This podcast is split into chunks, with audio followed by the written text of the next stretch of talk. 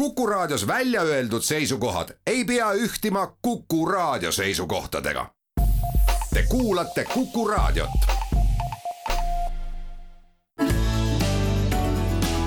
keskpäevatund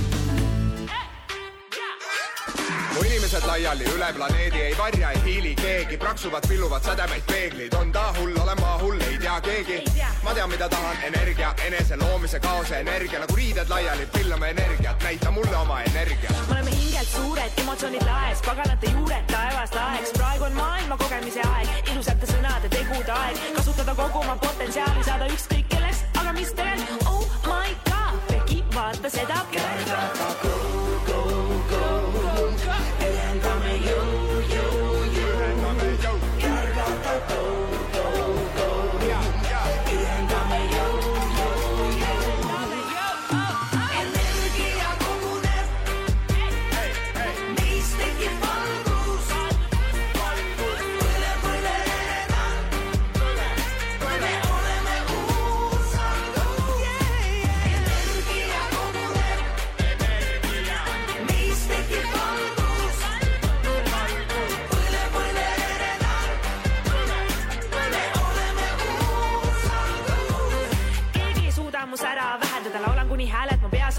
kähedad, energia läbistab, ühendab, lähendab, kes teab, mida see kõik tähendab? Banana. uudiseid koduvabariigist. tere, siin on Kuku raadio Keskpäevatund ja Tallinna stuudios Ainar Ruussaar, Heldur Meerits ja Priit Hõbemägi. head alanud aastat teile, kallid kuulajad, nüüd algab kahe tuhande kahekümne kolmanda aasta esimene Keskpäevatunni saade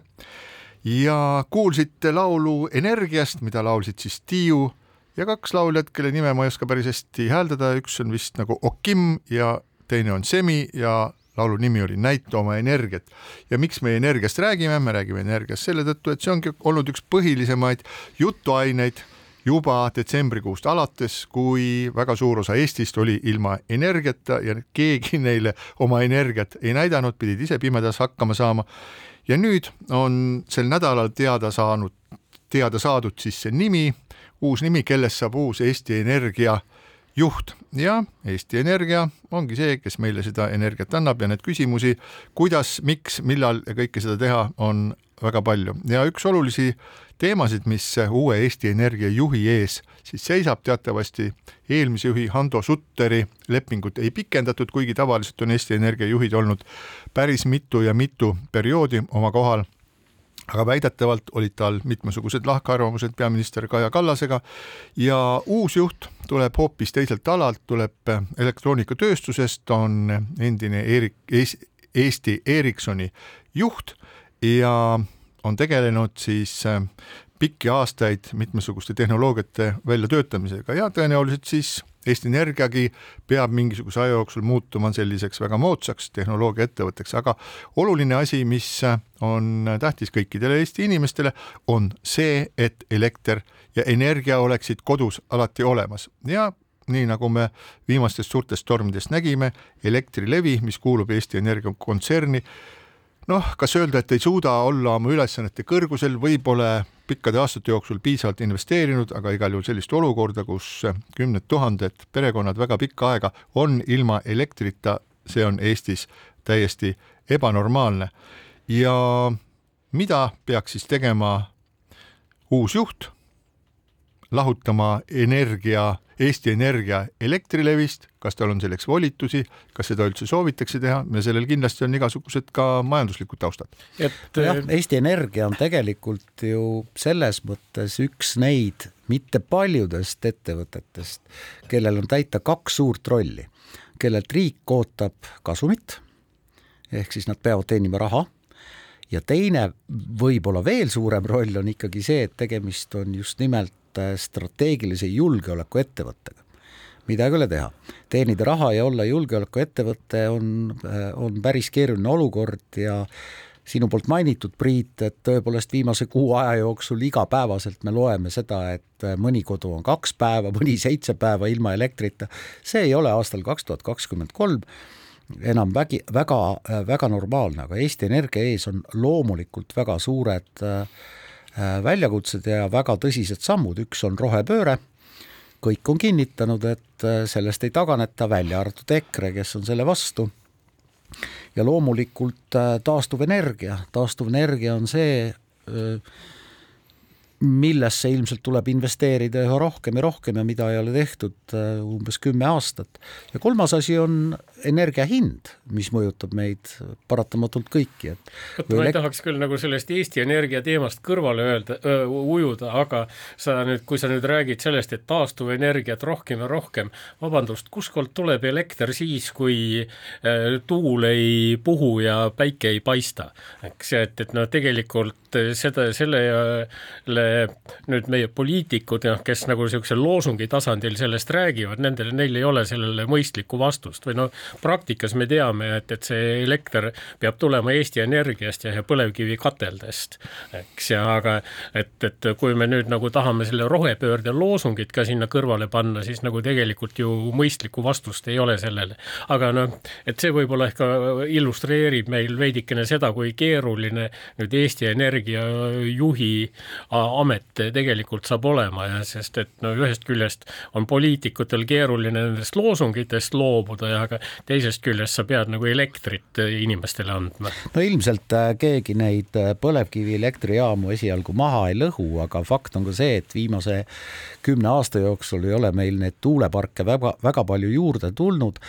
erinevalt päikesepatareidest, mida Eesti, Eestit mööda ringi sõites ikkagi põlluservadel üha rohkem ja rohkem näeb, neid äh, ilmu äh,, Heldur, kus tuult üldse ei ole ja päikest ka ei ole, on Eestis ikkagi vähem kui kolmsada kuuskümmend viis. mul on ettepanek, et räägime sellest, et kuidas ikkagi saavutada selline olukord, kus ähm, Eesti Energia, kes möödunud aastal teenis meeletuid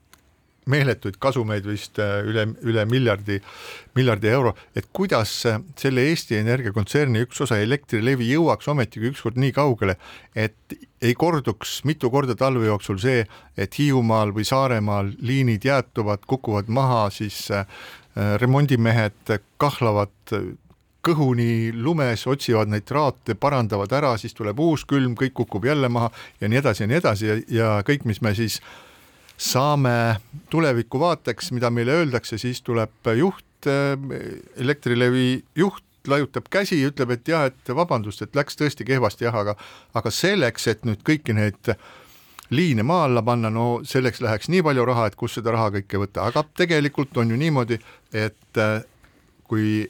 Eesti Energial on tohutud kasumid, siis mispärast ei investeerita seda raha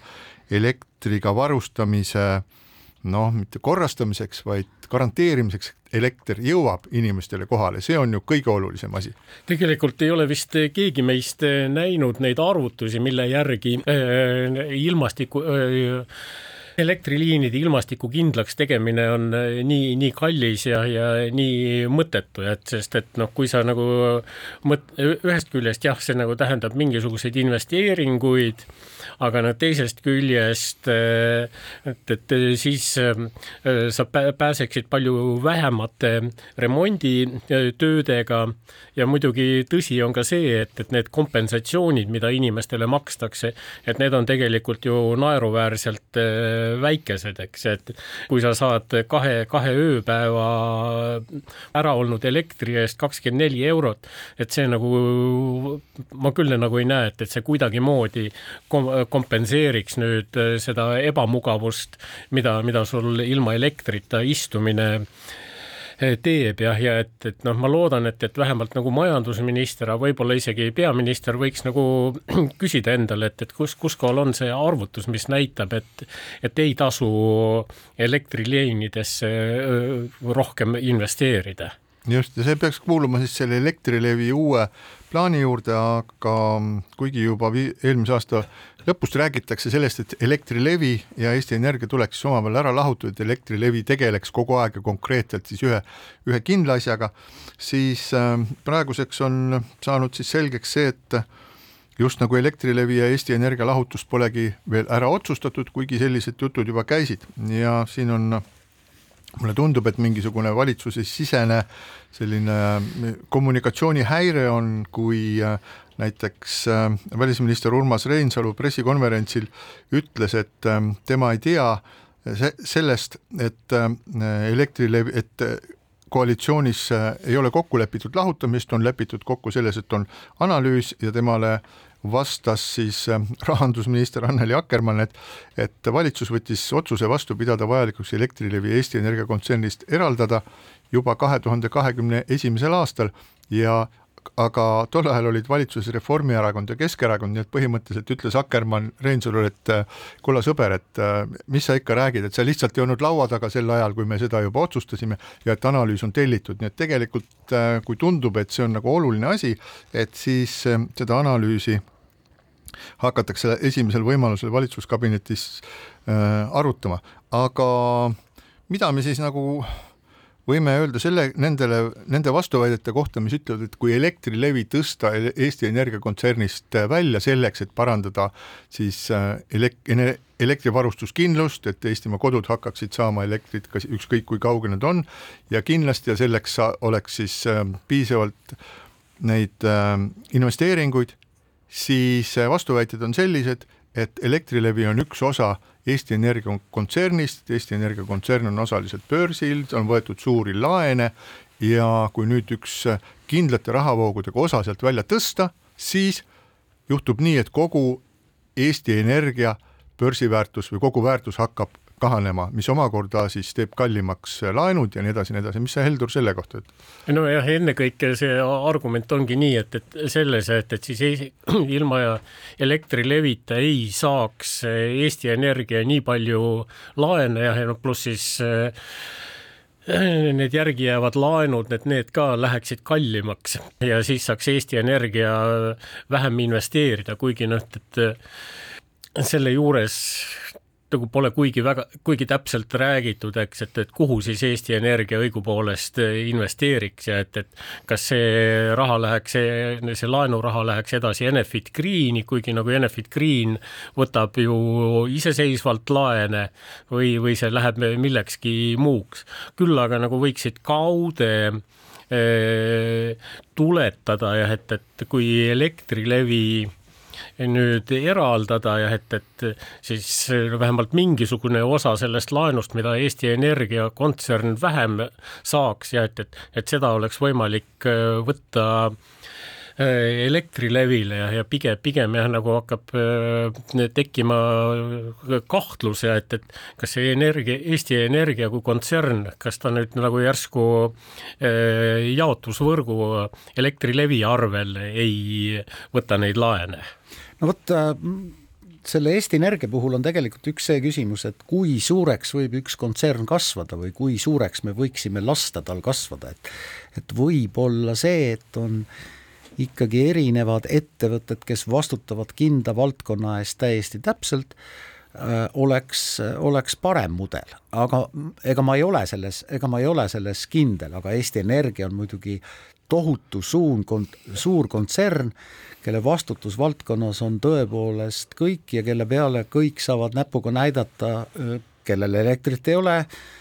kes saavad väikest kompensatsiooni või kes maksavad liiga suuri elektriarveid. no see suurus on muidugi suhteline. no Eesti mõttes Eesti, ma mõistan. Eesti kontekstis on ta jah, tõepoolest suur, no maailma mõttes no ehk, ehk niisugune keskmise suurusega ettevõte aga noh, neid juhtimismudeleid on erinevaid ja, ja Eesti Energia on üritanud sellist vertikaalset integratsiooni ka tekitada sama kontserni sisse ja, ja noh, see põhimõtteliselt nagu võimatu mudel ei ole aga seda saab näha, kuidas siis Eesti Energia uus juht hakkab kõikide nende küsimustega käit-, neid küsimusi lahendama, et ta ei ole veel ametisse astunud, see tuleb üsna pea ja esimesel aprillil. jah, ja siis valitsuses hakatakse ka arutama seda analüüsi Eesti Energia ja Elektrilevi lahutamiseks ja minu meelest on ju täiesti nagu arusaadav, kui me päevast päeva räägitakse äh, avalikult sellest, milliseid üüratuid kasumeid Eesti Energia teenib, Eh, tänu energiahindade tõusule. Ja siis, kui tõepoolest on eh, kümned ja kümned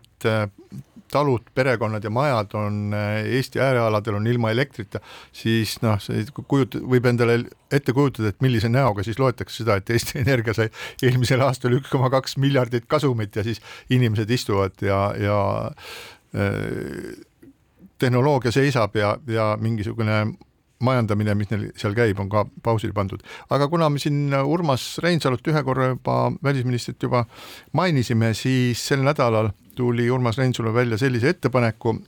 ettepanekuga, et Eesti võiks olla siis esimene Euroopa Liidu riik, kes Eestis külmutatud Venemaa kui agressori varad võtab kasutusele ja hakkab neid siis pruukima Ukraina abistamiseks, et see on üks asi, millest on räägitud väga palju Euroopa Liidu kontekstis, on öeldud, et seal on ligikaudu, ma ei mäleta täpset numbrit, vist mingi kolmsada miljardit erinevaid Venemaa varasid, siis andmed on teistsugused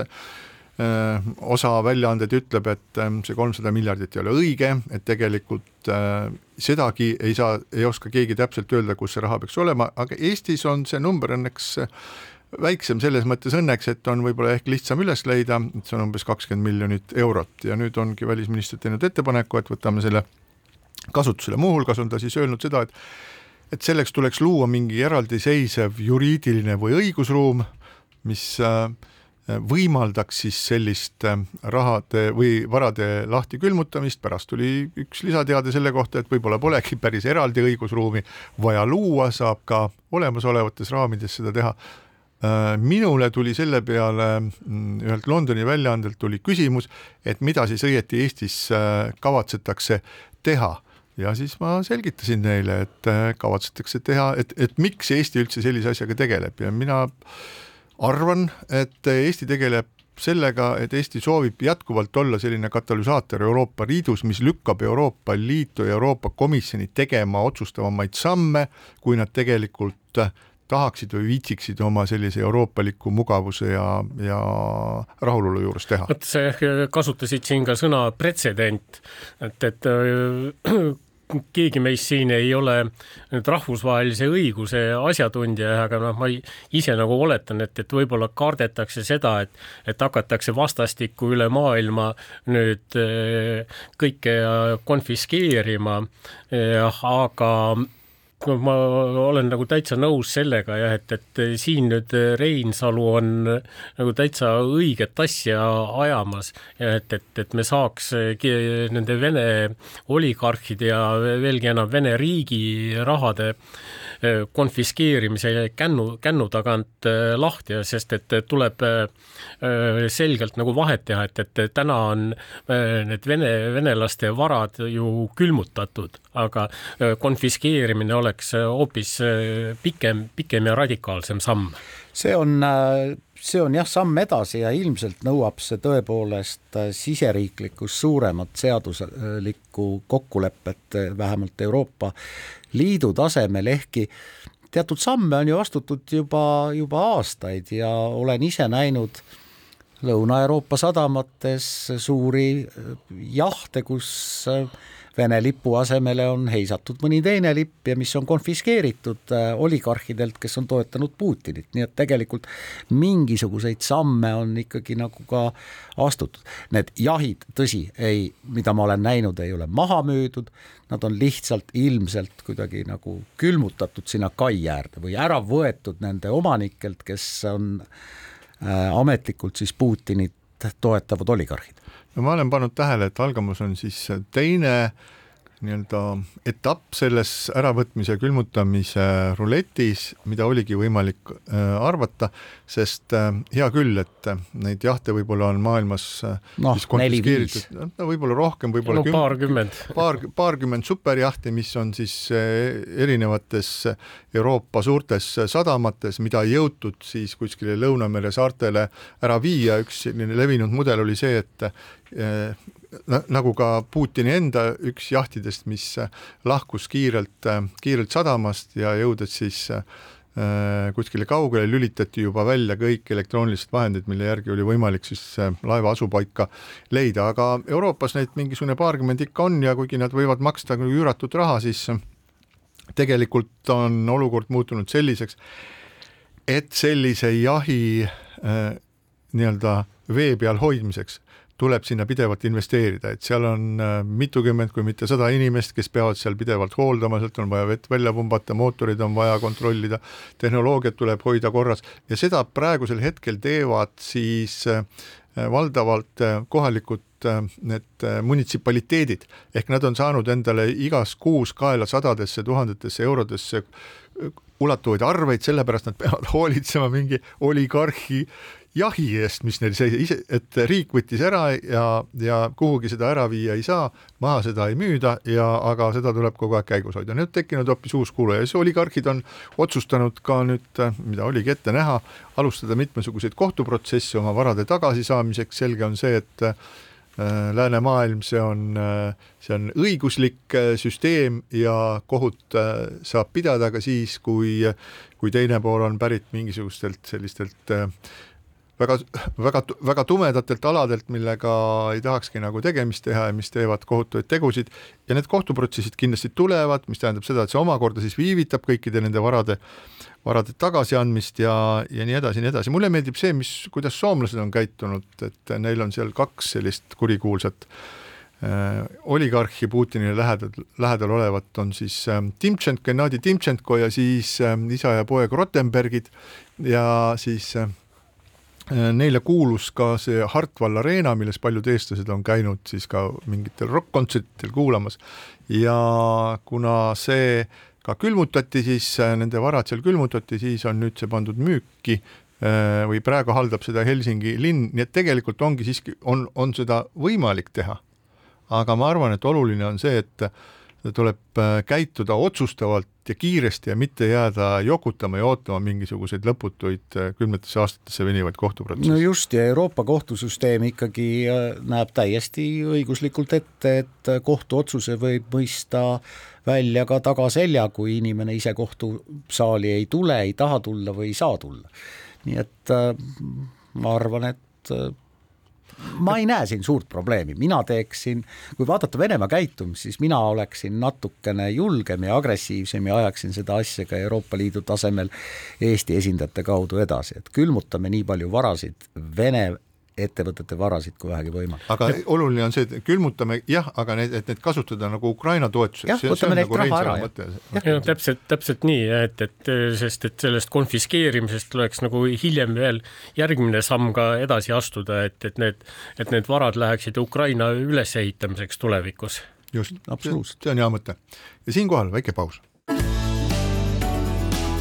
keskpäevatund keskpäevatund jätkab aasta esimene Keskpäevatund ja stuudios on Ainar Ruussaar, Heldur Meerits ja Priit Hõbemägi. mis võiks olla aasta alguses toredam kui ootamatu rahasadu ja paljudele inimestele, kes on pensionile jäänud ja neid on ju Eestis päris tublisti, selline aeg ongi just kätte saanud, kui sellepärast, et kätte jõudnudki sellepärast, et rahandusministeerium teatas, et äh, makstakse inimestele tagasi ligi kakssada seitsekümmend miljonit eurot ja see makse tehakse ühe korraga. nüüd äh, see kantakse siis nendele pensionikontodele ja kui vaadata tagasi, et miks siis äh, korraga hakkab selline raha tulema, siis on see selle tõttu, et kahekümne, kahe, kahe tuhande kahekümnendal aastal siis äh, otsustas valitsus, et peatada sissemaksed teise, teise pensionisambasse ja andis ka ühtlasi ka lubaduse, et see raha makstakse hiljem ühes protsentidega välja, kui just inimene vahepeal ei lahku sambast ja maksed külmutati kahe tuhande kahekümne esimese aasta suveni ja nüüd jõuab siis kätte see tasumise tund, kokku on siis seda umbes kakssada seitsekümmend miljonit ja keskmine makse on eeldatavasti seitsesada üheksakümmend eurot. Ja lisaks sellele siis kõik saavad võrdse tootluse kaheksa koma üheksa protsenti aastas, mis mõnedel inimestel on tore, aga teistel ei ole, sellepärast et mõned üksikud pensionifondid äh, tootsid paremini, aga suur hulk tootsid äh, kehvemini ja need, kelle fond kehvemini tootis, saavad sellist raha, mida nad tegelikult ei ole oma fondi kaudu välja teeninud, aga see suur et iseenesest see on õiglane ju, kõik on õige, et niimoodi tehakse, aga küsimus on selles, et kui valitsus nii otsustas, äh, peatada pen-, maksed pensionisambasse ja hiljem siis need äh, tagantjärele välja maksta inimestele, siis tol, tol hetkel oli ka võimalus võtta laenu. Ja teatavasti igaüks, kes äh, maailma majanduslikku olukorda või iseenda rahakoti sisu on vaadanud, saab aru seda, et see, mis kahe tuhande kahekümnendal aastal, millised intressid olid ja millised intressid on nüüd, on kaks absoluutselt erinevat asja. ehk teiste sõnadega, otsus võtta valitsusele raha pensionifondides, pensionifondidest sisuliselt on osutunud tänapäeval väga kalliks võrreldes sellega, et äh, valitsus oleks lihtsalt võtnud laenu, kusjuures lõppkokkuvõttes ise me peame selle kõik kinni maksma, lõppkokkuvõttes tuleb ikka kõik maksumaksja rahast. tollane rahandusminister vähemalt äh, Martin Helme äh, on öelnud, et, et viltu läks see asi nagu sellepärast, et inimesi ei lahkunud nii palju teisest sambast, kui, kui nad arvasid, nad arvasid, et, et kolmandik teise samba kundedest läheb ära ja, ja siis seetõttu tulebki nii palju maksta. ja aga jah, et, et et, et nii, nii palju muidugi tuleb tema, teda kiita, et ta vähemalt nagu saab aru, kus, kus kohal ta asju valesti tegi. aga jah, et, et kahtlemata see ei olnud nagu üldse, üldse arukas otsus niimoodi, niipidi käituda. nojah, see teise samba värk värk kestab siiamaani edasi ja neid lahkujaid ei olnud tõesti nii palju, kui kardeti või mõnel puhul võib-olla ka loodeti, aga aga mulle see valitsuse otsus meeldib selles mõttes, et õiglus tuleb äh, jalule seada ja Priit, sul on õigus, kaudselt muidugi, mis kaudselt, otseselt muidugi me maksame selle kõik ise kinni. aga noh, õiglus ongi vahel väga kallis asi ja ja iseasi, kuidas see õiglus puudutab neid, kes selle õiglusega otseselt nagu seotud ei ole või kes selle teise pensionisamba kompensatsioonist nagu kunagi midagi puudutada ei ole saanud ja, ja peab ikkagi selle kinni maksma. aga noh, õi-, õiglase tulemuse oleks võinud saada ka teistmoodi. et, et kui riik oleks otsustanud, et kui nad nagunii laenavad, et nad laenavad siis selle paarsada miljonit veel rohkem, et, et see oleks niisugune nullintressiga laen olnud. Ja äh, siis ei oleks pidanud enam seda lisatootlust nüüd äh, maksumaksjate arvelt äh, kinni maksma. ja no teine pluss oleks olnud ka selles, et nagu sa, Priit, ütlesid, eks, et makstakse kõigile üht, ühe tootlusmääraga, et sellisel juhul oleks nagu saanud need, kes ole, ole, oleksid, olid taibanud parematesse fondidesse panna, oleksid saanud siis nagu selle oma fondi tootluse, need, kes olid kehvema fondi, kehvema tootlusega fondis, et need oleksid siis saanud selle tootluse, mis oleks neile ku kuulunud. et see on nagu mõnes mõttes isegi nagu hämmastav, et, et et see haldussuutmatus on meil nagu nii suur, et, et, et ei suudeta ka neid neid inimestele konkreetsete fondide kaupa neid tootlusi seal välja arvutada, aga noh, et, et noh, me näeme siin nagu seda riigi saamatust oma teenuste korraldamisel selle IT poole peal nagu nii mitmes vallas, nii et, et noh, tegelikult võib-olla mu see imestus on kohatu siin. see, see, et sa mainisid äh, nüüd äh, seda seost pensionisambast lahkujate ja siis äh,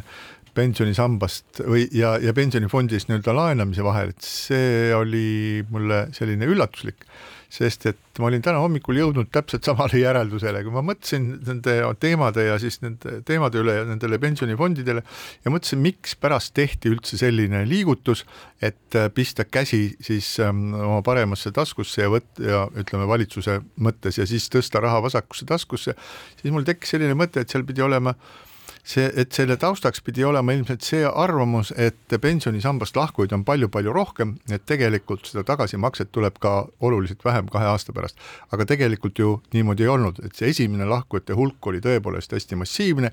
ja inimesed said oma raha kätte, tegid sellega, mis nad tegid, osa raha läks äh, kinnisvarasse, osa läks võlgade maksmiseks, osa läks kindlasti elujärje parandamiseks ja osa kindlasti ka kulutati ära, aga pärast seda esimest lainet on nüüd pensionisambast lahkumine oluliselt vähemaks jäänud, et tänase päevani saab siis kolm korda aastas saab äh, lahku, esitada avalduse pensionisambast lahkumiseks, seda ikka tehakse, neid on ka igas, igas kolmes perioodis on tuhandeid ja tuhandeid inimesi, aga selliseid nagu kümneid tuhandeid ja kümneid tuhandeid inimesi enam ei ole. Ja mingis mõttes näitab ka seda, et kõik need sellised prognoosid, et pensionisambast lahkumine ajab uppi panganduse ja, ja siis äh, viib inimesed vaesusesse ja noh, seda juttu lihtsalt, mida sai toidu alla ja toidu peale sai sai kuulda enne pensionisamba vabastamist, kuidas siis inimesed, kes oma pensionisamba välja võtavad, nad mõistavad ennast ise vaesusesse ja siis,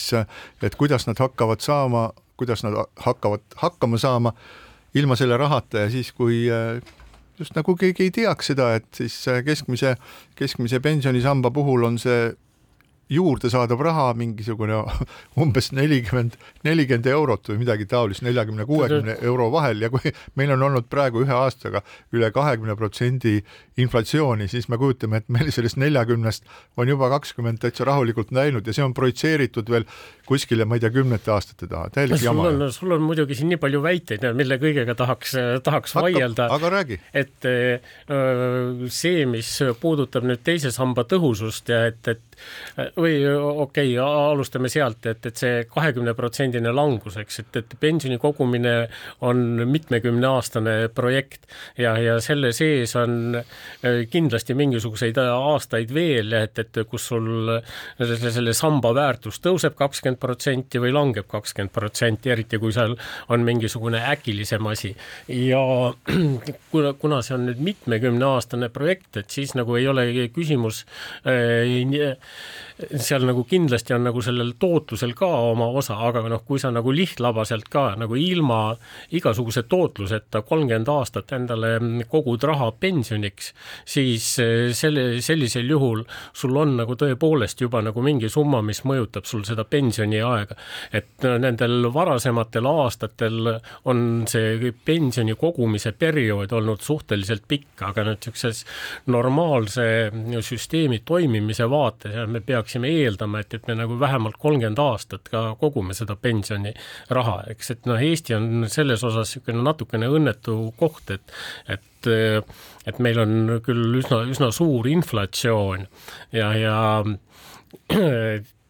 tegelikult, tegelikult, et kui, kui sa nüüd paned pensionifondi haldurile ülesande, et, et võistle inflatsiooniga, et, et tee kakskümmend protsenti tootlust, et ega siis minul nagu ühtegi parema, ühtegi muud ideed peale narko, narkoäri ei ole ja aga seda me ometi ei saa ju tahta. Aga... no vot, ega, ega ei olegi jah, ja, ja noh, meie inflatsioon ei ole küll enam kakskümmend kaks protsenti, vaid oli detsembris seitseteist millegiga, peaaegu kaheksateist, aga tõepoolest, et aeg-ajalt tekib küsimus, et mida ma kogun, et äh, ma kogun ju, ma kogun ju vähem, kui tegelikult äh, kulud on, aga noh, mõlemat te teate, mina ka, majandus on tsükliline, võib-olla on mingil hetkel Eesti inflatsioon ikkagi väga väike ja Eestil läheb palju paremini ja siis on sellel kogumisel mõtet, aga kogumine tähendab jah, Heldur, sul on õigus, pikka aega kogumist, et päeva või nädala kaupa kogumine ei anna seda tulemust ja tegelikult me ei ole seda teise samba tule, tulemust pensionäride puhul ju veel väga tõsiselt ka näinud, et see äh, noh, seda tulemust me saame näha umbes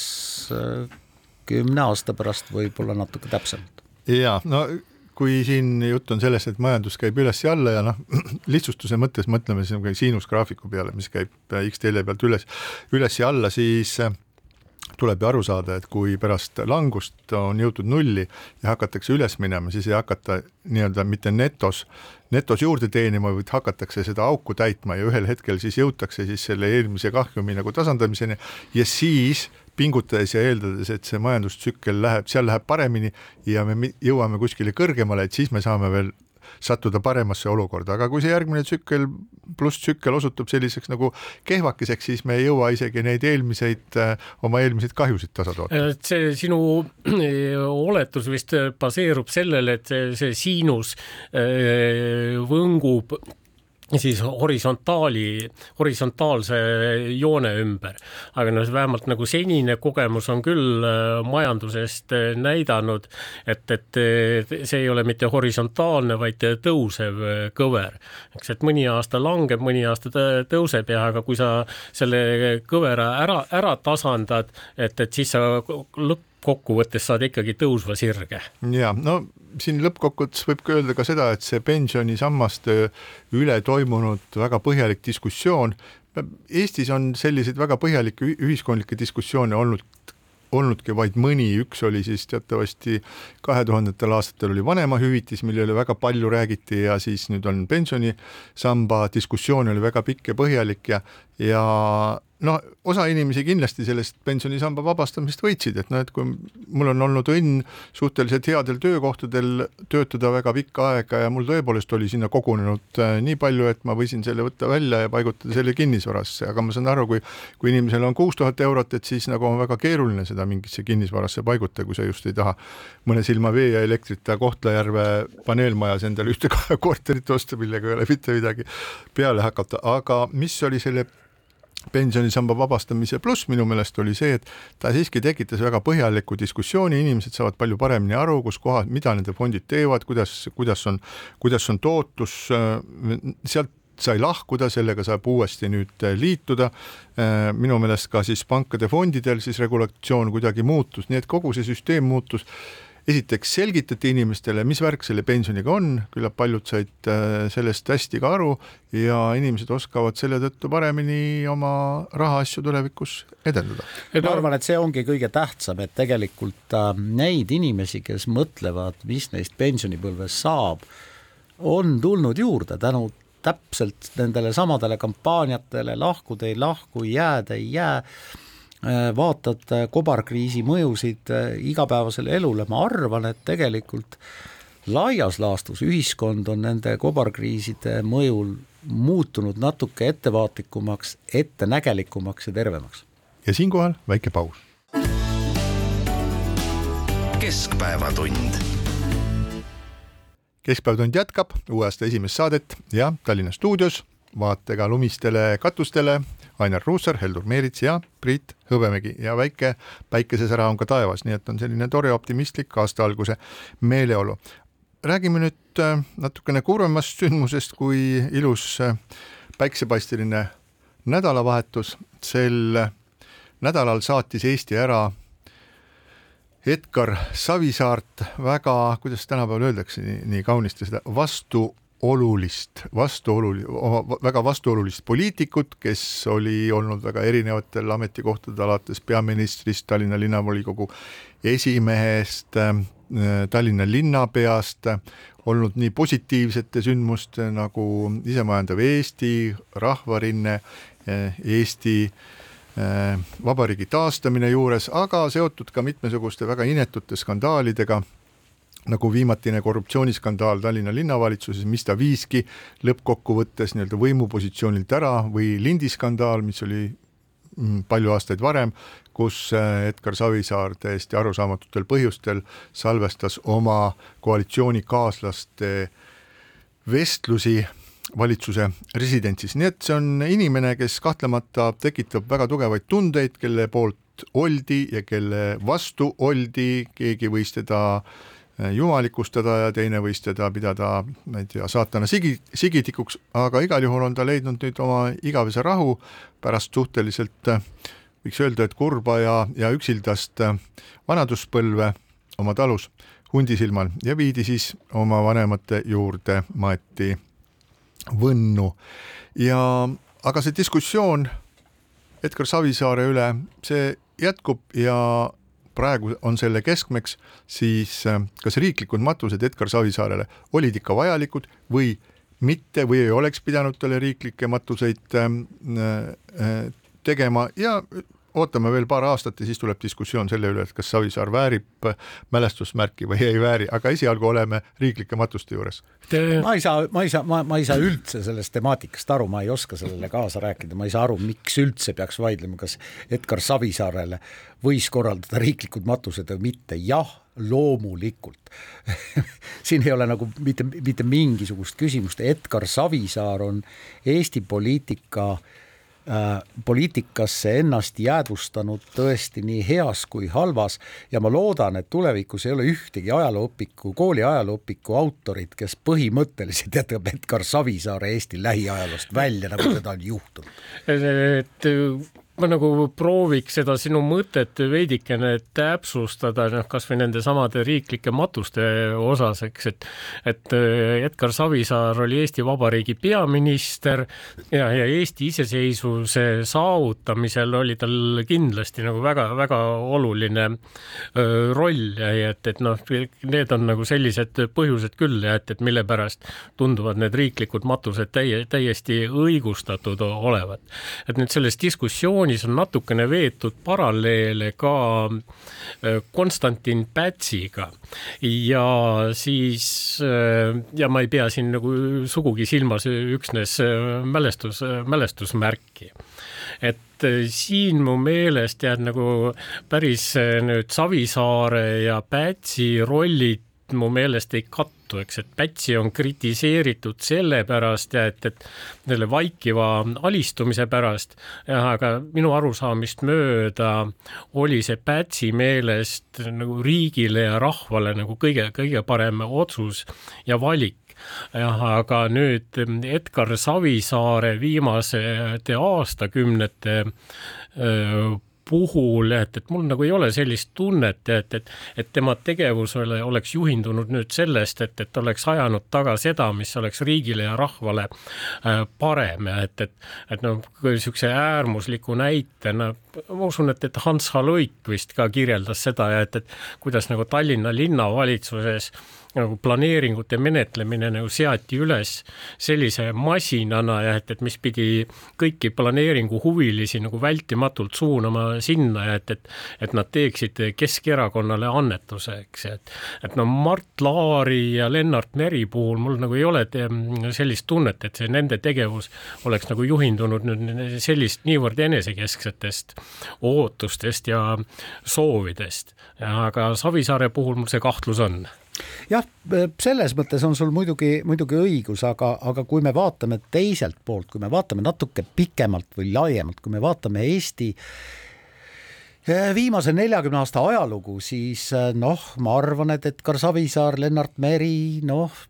võib-olla veel mõned nimed tuleksid sinna juurde, kes, eh, kelle puhul äh, noh, riiklik matus oleks nagu väärtus omaette ja mina jään enda juurde kindlaks, et Edgar Savisaar, vaatamata sellele tõepoolest, et äh, tema noh, viimase kümne äh, valitsemise juures Tallinnas äh, oldud ajad võib-olla ei olnud kõige puhtamad ja ta oli isegi ju kriminaaluurimise all, millest tervislik seisund teda, teda küll päästis. ta siiski on Eesti viimase neljakümne aasta ajaloo, ajaloos selline inimene, kelle puhul mina ei vaidlustaks riiklikku matust. Eks neid on hästi palju ja erinevaid seisukohti ja on ka selliseid ajalooga väga hästi, nii lähiajalooga väga hästi kursis olevaid inimesi kui neid, kes on ise lähiajalugu teinud, kelle seisukohad Edgar Savisaare osas ongi täiesti kardinaalselt erinevad, et võtame kas või noh, nagu kui nimetada kahte nime, näiteks Eerik-Niiles Kross, kes, kes on siis äh, sotsiaalmeedias väitnud, et, et äh, hoolimata mõnest siis Edgar Savisaare positiivsest äh, küljest või positiivsest teost päris alguses on tema tegevus läbivalt hiljem Eesti poliitikas siiski kaldunud, mitte kaldunud, vaid olnud selgelt suunatud ida poole, kui me meenutame näiteks tema äh, soovimatust äh, mobiliseerida venekeelseid inimesi äh, näiteks Euroopa Liiduga liikuma, kus Euroopa Liiduga liik-, liituma, kus ta jättis lihtsalt nii-öelda, ütles, tehke otsus oma südametunnistuse järgi või see, kuidas siis Edgar Savisaar käitus pronksiöö ajal või veel mitmesuguseid teisi taolisi no,. tal või, oli või Moskvas ka väga märkimisväärseid äh, või kiriku, sõbrasuhteid, nagu kirik, näiteks Jakunin. ja, ja või kirikuehitus ja idaraha skandaal, et, et need kõik on nagu, need on, need ei ole lihtsalt mustad plekid, see on niisugune massiivne tõrv, ühesõnaga, mis katab selle, selle tänaseks lahkunud äh, mehe mantlit. Äh, teised inimesed jälle peavad oluliseks tema, tema võimeid innustada, mis eriti siis nagu varasemal perioodil. Esi-, olid nähtavad tema või, võimet innustada, tuua inimesi ähm, siis välja, panna neid üheskoos midagi tegema, ehk luua sellist ühist meeleolu ja see, mis tegelikult meile lõppkokkuvõttes siis, siis vabaduse tõi, et me olime kõik koos ja tema oli üks nendest, kes selles asjas siis,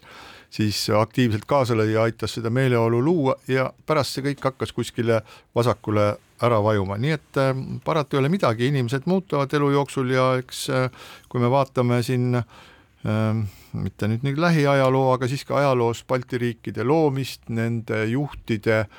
ähm, saatusi, vaatame Pätsi, vaatame Smetanat äh, Leedus, siis, ähm, siis kõigil neil on oma positiivne pool ja kõigil neil on oma negatiivne pool, aga, aga ma üldiselt arvan, et, et ähm, suuremeelne olla on õilis ja selles mõttes, et milli-, mis iganes, millised plekid või, või suured tõrvalarakad ka Edgar Savisaare poliitilise mantel ei oleks, on, on õilis anda talle need riiklikud matused, ta on olnud selle meie riigi loomise juures ja meie riigi tugevust näitab see, et Edgar Savisaare hilisemad nii-öelda katsetused lükata Eesti riigivankrit ida poole ei kandnud siiski vilja, vaid tõkestati